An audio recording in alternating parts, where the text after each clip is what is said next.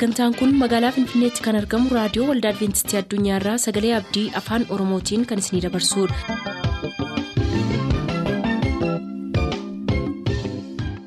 harka fuuni akkam jirtu kabajamtoota dhaggeeffattoota keenya nagaan waaqayyo abbaa bakka jirtan hundumaatti isiniif haa ta'u jechaa kan nuti har'a qabannee isiniif dhiyaanne sagantaa dargaggootaa fi sagalee waaqayyoo ta'a dursinee gara sagantaa dargaggootaatti dabarra.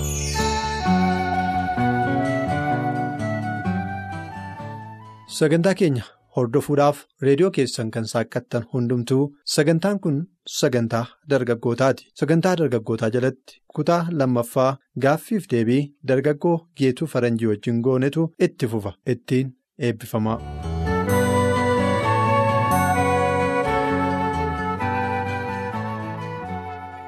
egaa jalqabaa akkuma nutti himteetti qormaata biyyoolessaa irratti kan kutaa kudhaniif kan kutaa kudha lamaa irratti milkaa'uu kee nutti himteetta qabxii gaariitiin darbuu kee nutti himteetta mee kitaaba qulqulluu wajjin walitti dhufeenya ati qabdu yookiis immoo waaqayyoo wajjiniin walitti dhufeenya ati qabdu milkaa'ina keessan irratti qooda fudhate qaba jettee yaadda. Sirriitti qoodan qaba jedhee yaada addumaan ani kan gooftaan naa godhe gochaa waaqayyoo naaf godhe amma amma yeroon gara duubaatti deebi'ee ilaalu bakka jechoota natti irrata kan inni naaf raawwate. Akkuma siin jedhee jalqabaa ijoollummaadhaatiin kanan barumsa koo jalqabee yeroon kutaa kudhan qorumsa biyyoolessaa fudhadhu. Waa'eemti jireenyaayyuu hamma namattuu naan galle sirrumatti iyyuu qabxii magaarii fidee darbuun qaba. Bor iddoo gaariin gahuun qaba jedhee kananii yeroo koo baay'ee irratti dabarseeru. Baay'ee muraasadha. Garuu gooftaan kaayyoo guddaa waan naaf qabuuti. Wanta inni naaf raawwatedha. Kan ani yaade sun tani kan inni naaf yaadedha. Kan inni raawwate. Nanna yaadadha yeroon kutaa kudhan fudhadheetti. Addumaan yeroo qo'annaa koollee dhiise yeroo nani waaqayyoo faana wal qunnamutti ture kan inni caalu bakka nuti kiraayeffannee jirru mana keenya bukkee baarzuuf baay'eetu jira muka baargamoo baay'eetu jira ture. Muka baargamoo sana keessatti ture hannu nuti qo'anne yeroo hundumaa osoon qo'annaa kun jalqabiin fuuldura imimmaan kubuusee kanan itti bu'aa ture yeroo sanadha. Waaqayyo ati seenaa koo beekta eessa akka ati na kaastee beekta kanaatiifuu ani qormaata kanan darbu taanaan bor akkam akkan ta'usitu beeka? Waan ta'eetiif wanti jaalala kee qofa naaf haa raawwatu jechuudhaatiin gara waaqayyootti bu'aa kanan ture yeroo hundumaa waaqayyoo amma yeroo yaadadhutti guyyaa sana yeroo nan isatti boo sana imimmaan kun lafa hin buufne gooftaa yeroo sana waan ani jedhu dhaga'eera. dhaga'uudhaatiin waan gaarii naaf raawwachuudhaatiin waaqayyoof haa galatu har'a bakka gaarii na geessisuu danda'e. galanni waaqayyoof haa ta'u. Akka kanaan jireenya barumsa amma kutaa kudha lamaatti erga xumurtee booda yuunivarsiitii gondariin deemtee barumsa isa taanu yookiis barumsa olaanaa achitti akka baratte nutti himteetta digirii jalqabaa achitti fiiziksiidhaan fudhachuu keeti kan nutti himte mee jireenyi yuunivarsiitii maal fakkaata ture. jireenyi yuunivarsiitii. waan baay'eedhaatiin ibsamuu hin danda'a baay'ee kan namatti toludhas baay'ee bu'aa qabeessadhas akkanumallee miidhaallee hin qaba jireenya kaampaasii keessa jiraachuudhaaf anaaf garuu waaqayyoof haa galatu. Jireenyi kaampaasii baay'ee gaarii naa ture irra caalaatti waa'ee waaqayyo kanan bareellee gochaa waaqayyo kanan argadillee kaampaasii keessatti ture. Garuu akkuma dura jechuun jalqabeetti kaampaasiin xiqqoo ishee bakka rakkisaadha. Maaliif? Amma kutaa kudha lamaatti. baay'een ijoollonni baay'een maatii isaanii bira ta'aniitu baratu firoota isaanii bira ta'aniitu baratu. Iddoo garaagaraa namoota firoota isaaniirraa osoo hin fagaatiin barachaa turanii gara yuunivarsiitii yeroo galanitti garuu isaan kana hundumaa irraatii adda bu'u bakka sanatti kan isaan ilaaluu fi kan isaan arguu danda'u mataa isaanii fi waaqayyoo qofaadha namoonni sodaa waaqayyoo keessa hin jirre ijoollee waa'ee sodaa waaqayyoo hin beekne jireenyi isaanii jireenya fokkisaallee bakka inni itti ta'udha maaliif kan sodaatan kan ilaalan waan hin qabneetiif wanta barbaadde waan mataa. keessi ajaja hundumaa raawwachuu hin dandeessa jireenya kaampaasii haala akkasiitiin ilaalle waaqayyo garuu achi keessatti anaaf haala gaariidhaatiin akka inni na gargaarre ammallee gochaa waaqayyoo ibsuun barbaada.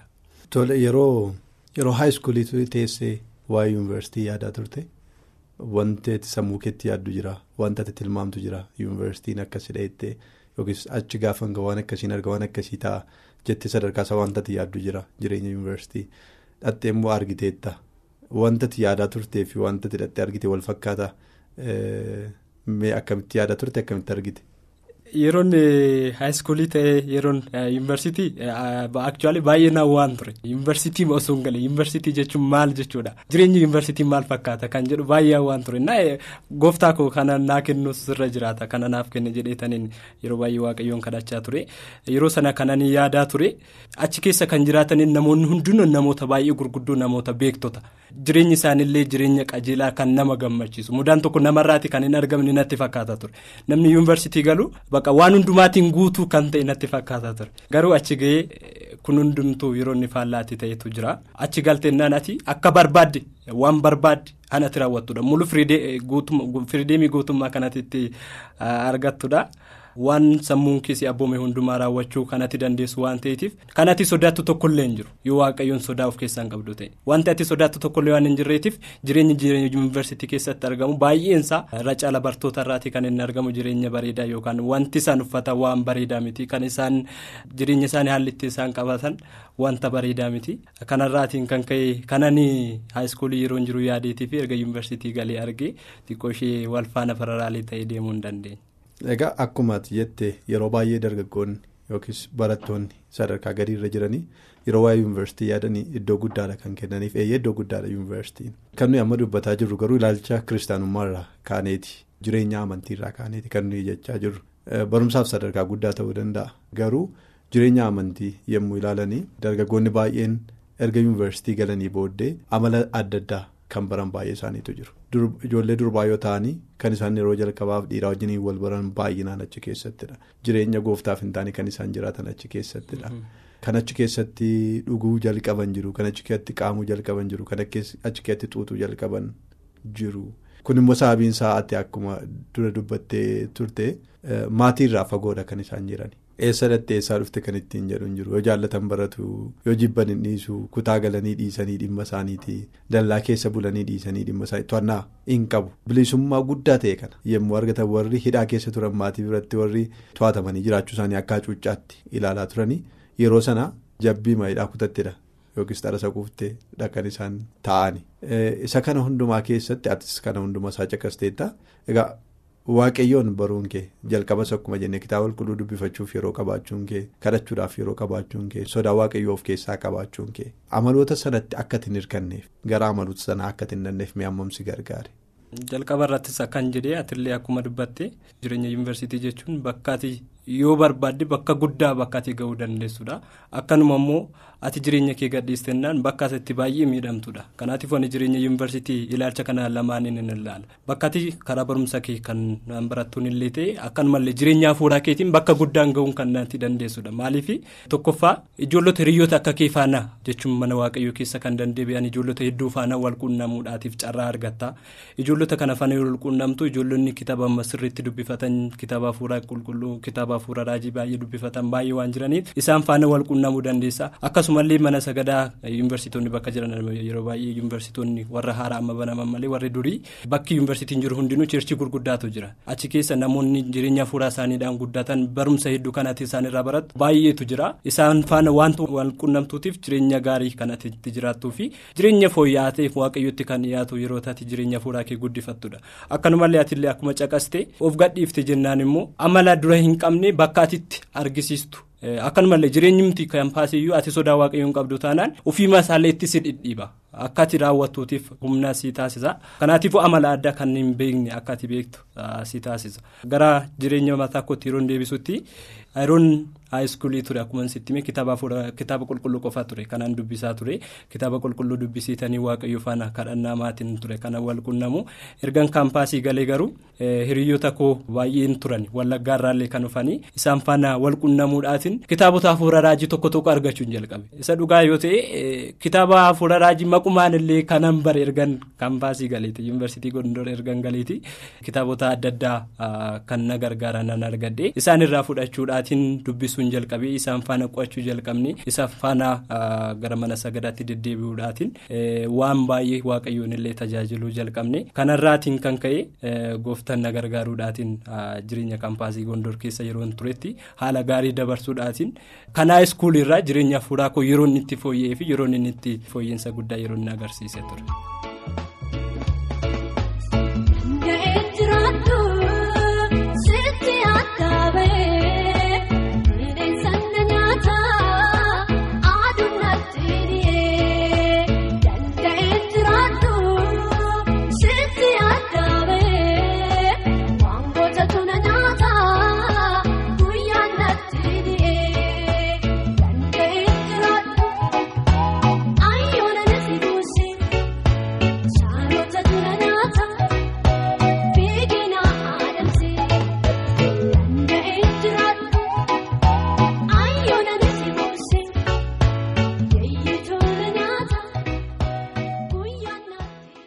Hordoftoota keenyaa yuunivarsiitiin namoota qabaasaa wallaalaniif iddoo kufaatiiti. Warra qabaasaa beekaniif immoo iddoo itti foonittis hafuurattis guddatanidha jalqabni ogummaa waaqayyoon sodaachuu ta'uusaa warri dagatan ogummaan isaanii wallaalummaatti lakkaa'ama.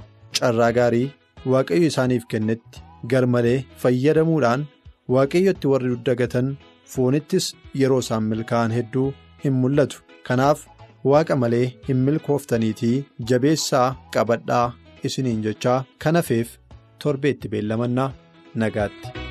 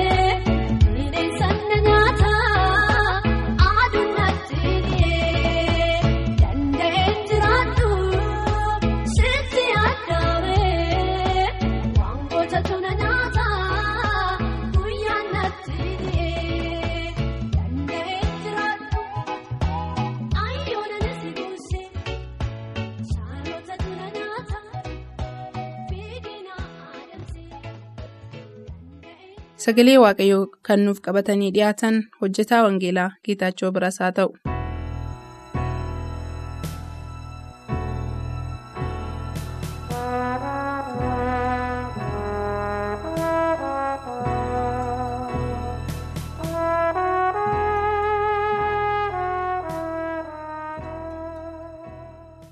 gooftaatti kan jaallatamtan saba waaqayyoo nagaan waaqayyoo waaqa jiraataa bakka jirtan hundumaatti isiniif haa ta'u baraaf guyyoota jiraannee har'a geenye keessatti nu gargaaree hamaa hundumaa nurraa eegee dhukkubsannaan nu fayyisee cabnaan nu wal'aanee hamma har'aatti nu geggeessee kan nu wajjin jiruuf waaqayyoof galanni guddaan ta'u kun sagalee raadiyoo adventistii irraa isiniif darbuu sagalee abdiiti. gara mata duree barumsa keenyaa har'aatti tun seeniin fuula duraa waaqayyo karaa hafuura qulqulluu akka nu barsiisuuf boquu keenya gadi qabannee waaqayyoon kadhanna.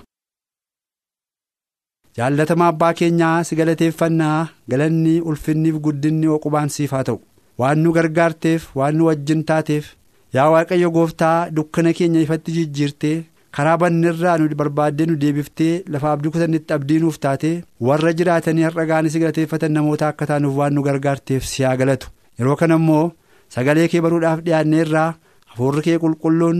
Sammuu tokko tokkoo keenya akka to'atu wanta barannuuf dubbifannu hundumaatti immoo hubannaa argannee itti jiraannee isa waaqaa mootummaa keetti immoo yaa waaqayyo keessaa qooda argachuu akka dandeenyuuf nu gargaari dubbii keetti jiraachuu akka dandeenyuuf humnaaf ogummaaf jabina nuuf kenni nu wajjin ta'ii nuyi gadi jennaa ol jedhii nu calluma jennaati nutti dubbadhu qaalma kee gooftaa yesuusiin aameen. mata dureen barumsa keenyaa guyyaa irraa immoo kan jedhu du'is inuma du'a kan jedhudha du'is inuma du'a. Iddoo kanatti har'a biyya lafaa irratti kanaan dura akkuma dubbachaa turre namoonni baay'ee kan isaan sodaachisuuf kan isaan naasisu du'uudha. Namni jiraachuu malee du'uu hin jaallatu. Namni gammachuu malee gadda hin barbaadu. Namni jireenya malee rakkina hin barbaadu. Haa ta'u iyyuu malee du'i garuu inuma jira. Du'i jiraatu iyyuu malee karaa biraa immoo du'i jiru kun ofiisaatiif yommuu du'u immoo argina. Ofiisaatiif iyyuu immoo yommuu inni du'u yommuu inni humna dhabu yommuu inni haboo dhabu. Yommuu namarratti aangoo dhabu argina. Galanni waaqayyoof haa ta'u. Qorontoos isa duraa akkuma kanaan dura barumsa keenya kanaan duraa irratti dubbachaa turre har'as kutaama sana keessaa waliin ilaalla. Isa duraa boqonnaa kudha shan lakkoofsa shantamarraa kaafnee yommuu ilaallu immoo du'ii akka inni du'u.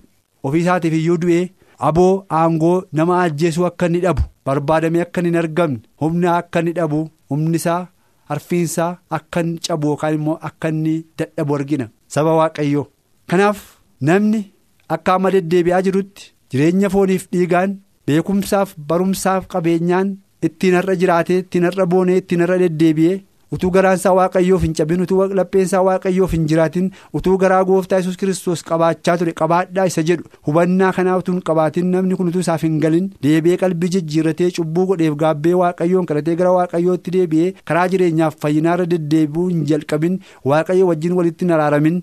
Yoo gooftaan keenya yesus kiristoos deebi'ee dhufe akka amma jirutti namni fooniif dhiigaan duwwaan utuu deddeebi'aa jiru waa'ee hafuurri waaqaa utuu isaaf hin galin waa'een jireenyaa hafuuraa isaaf hin galin mootummaa waaqayyootti sanaan galuu akka hin dandeenye macaafa qulqulluutii fi ergaa samiituu dhugaanuuf ba'a. lakkoofsa shantamarraa kaafnee yommuu dubbifnu kana dubbata obboloota nanaa namni fooniif dhiigaan mootummaa waaqayyootti galuu yookiis.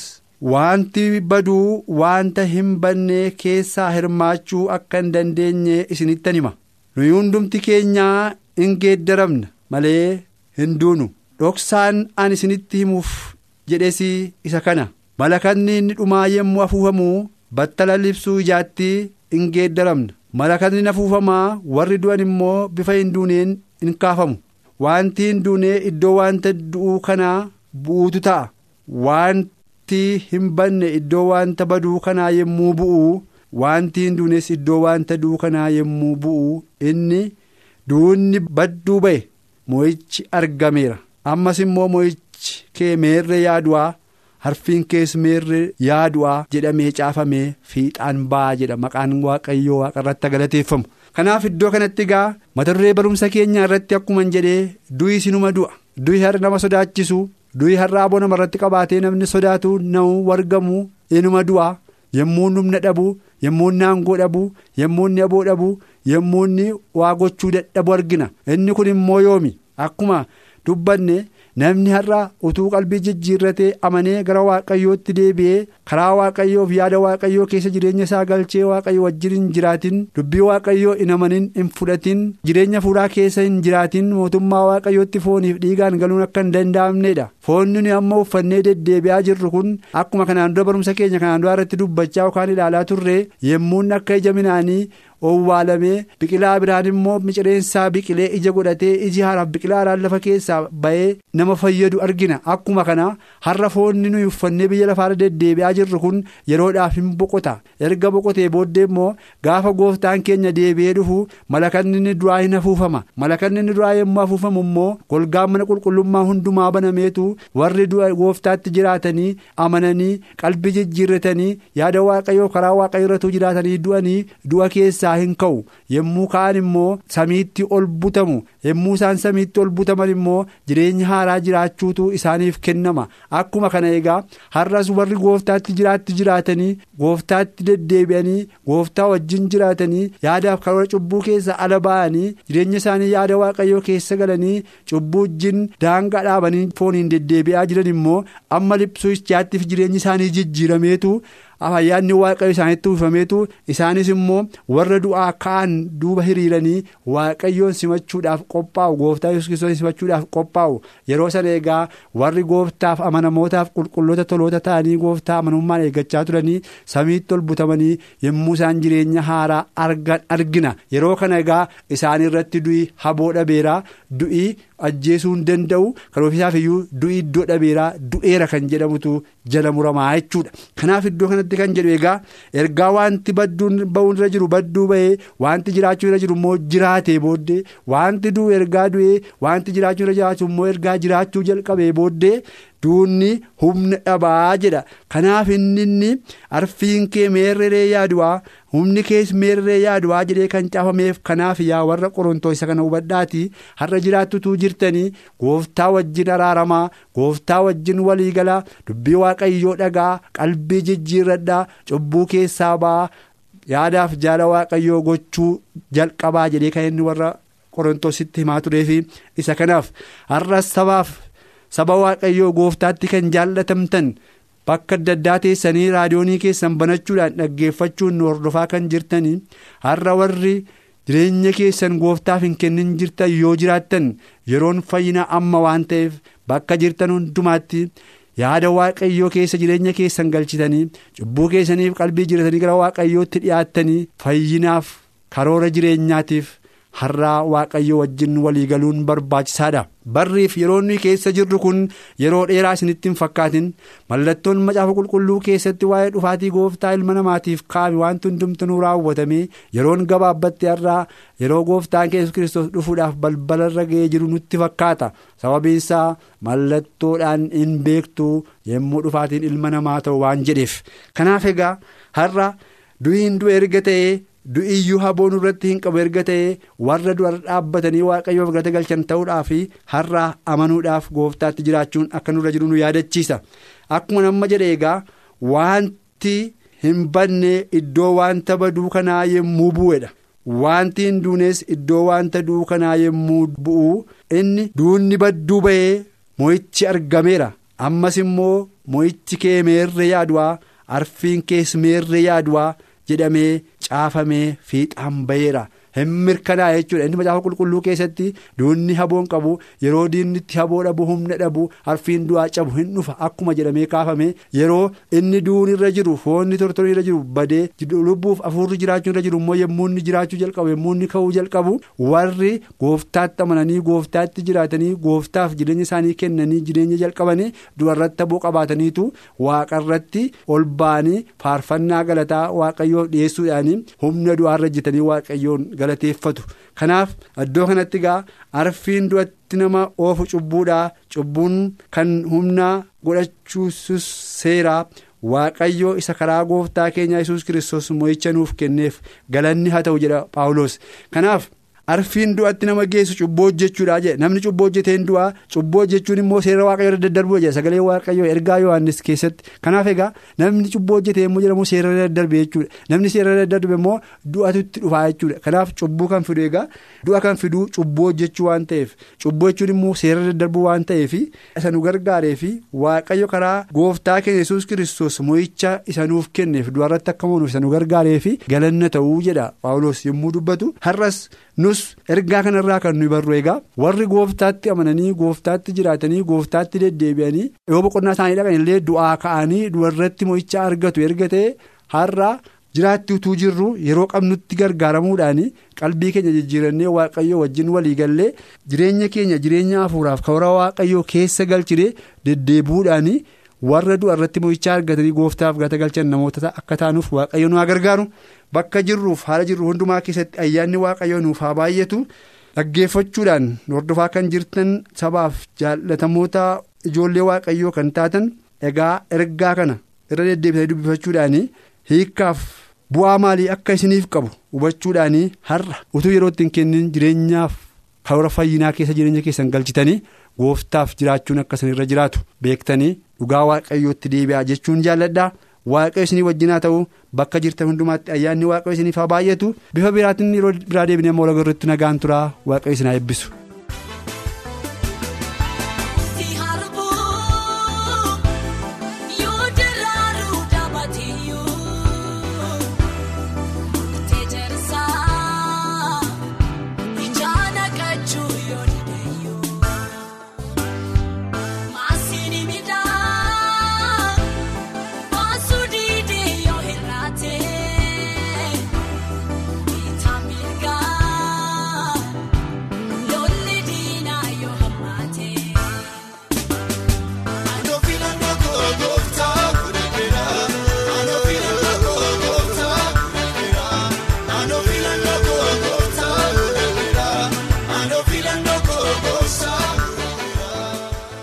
Kanarraa xumurreerra nuuf barreessuu kan barbaaddan raadiyoo waldaa adventistii addunyaa lakkoofsa saanduqa poostaa dhibbaaf 45 finfinnee. Lakkoofsa saanduqa poostaa dhibbaaf 45 finfinnee. Amma deebinee wal arginutti nagaatti.